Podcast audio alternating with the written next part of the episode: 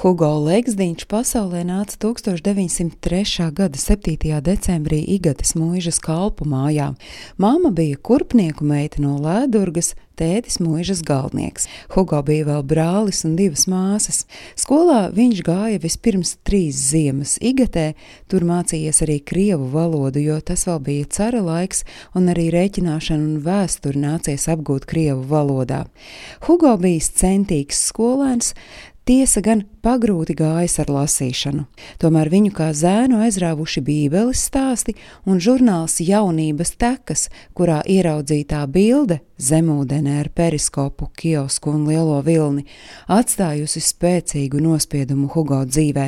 Kā pats teicis, bilde deva ļoti lielu triecienu manā dzīvē. Turpmākie skolas gadi pagāja kara ēnā. Hugo piedzīvojis Latvijas valsts dibināšanu, tēva nošaušanu, Leksdiņš vecākais brīvā Latvijā nodzīvoja vien četrus mēnešus un sešas dienas.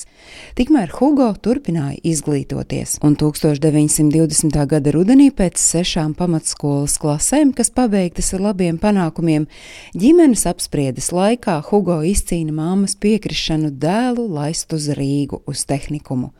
Māmas lielākā pretestība bijusi, jo Hugo paša vārdiem runājot, esot bijis draņķis uzvedībā un puiku nedarbos.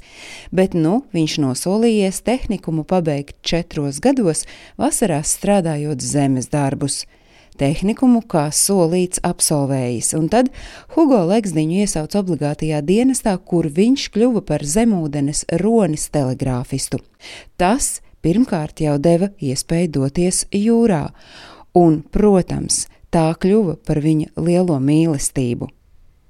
Tieši tobrīd brīvajā Latvijā bija aktuāla jaunu jūras virsnieku sagatavošana, proti veco cara laika virsnieku maiņa, un Hugo izturot milzīgu konkursu nonāk Krišāņa Valdemāra jūrskolā, lai apgūtu tāljūras kapteiņa grādu.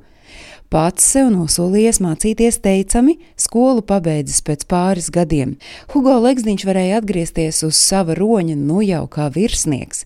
Kad 1935. gadā bija jautājums, kuru virsnieku sūtīt uz torpēdu virsnieku skolu Francijā, divu domu nebija, ka tas būs Hugo Legsdiņš.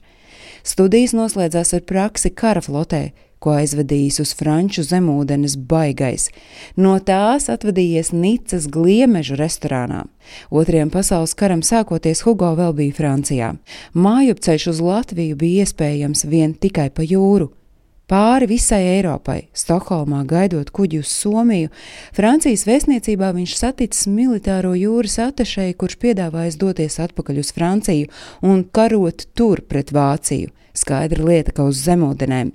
Pēc nakti ilgām pārdomām Hugo Leksdiņš atteicis, un pēcāk atzinis, ka tā ir viena no lietām, ko viņš nožēlojas līdz pat mūža beigām. Atgriezies Rīgā, viņš tika iecelts par roņa komandieri bet jau pavisam drīz viņu atstādināja no amata un atvaļināja no kara flotes.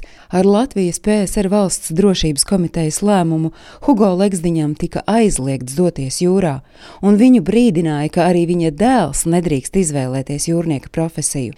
Tāpēc padomju laikā Hugo 25 gadus nostrādāja par navigācijas, jūras astronomijas un starptautisko kuģošanas noteikumu pasniedzēju Mangaļu jūrskolā un citās mācību iestādēs, kur gatavoja kuģi kuģu vadītājus.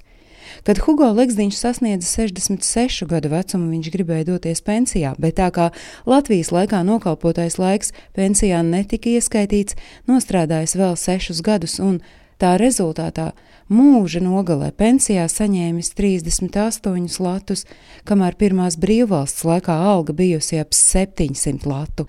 Hugo Leksdiņš apbalvots ar triju zvaigžņu ordeni, Zviedrijas zobena ordeni, Francijas goda leģiona ordeni. Viņš arī sarakstījis grāmatu Ronis, Mana būdiņa un pils, bet padomju gados grāmatu Navigācija. Vēl komandas kapteinis savu biogrāfiju uzrakstījis uz 580 lapusēm ar domu, ka tas noderēs bērniem, bērnu bērniem un iespējams arī Latvijai. Mūžībā kapteinis aizgāja 101 gada vecumā, stāstīja Agnese Drunka.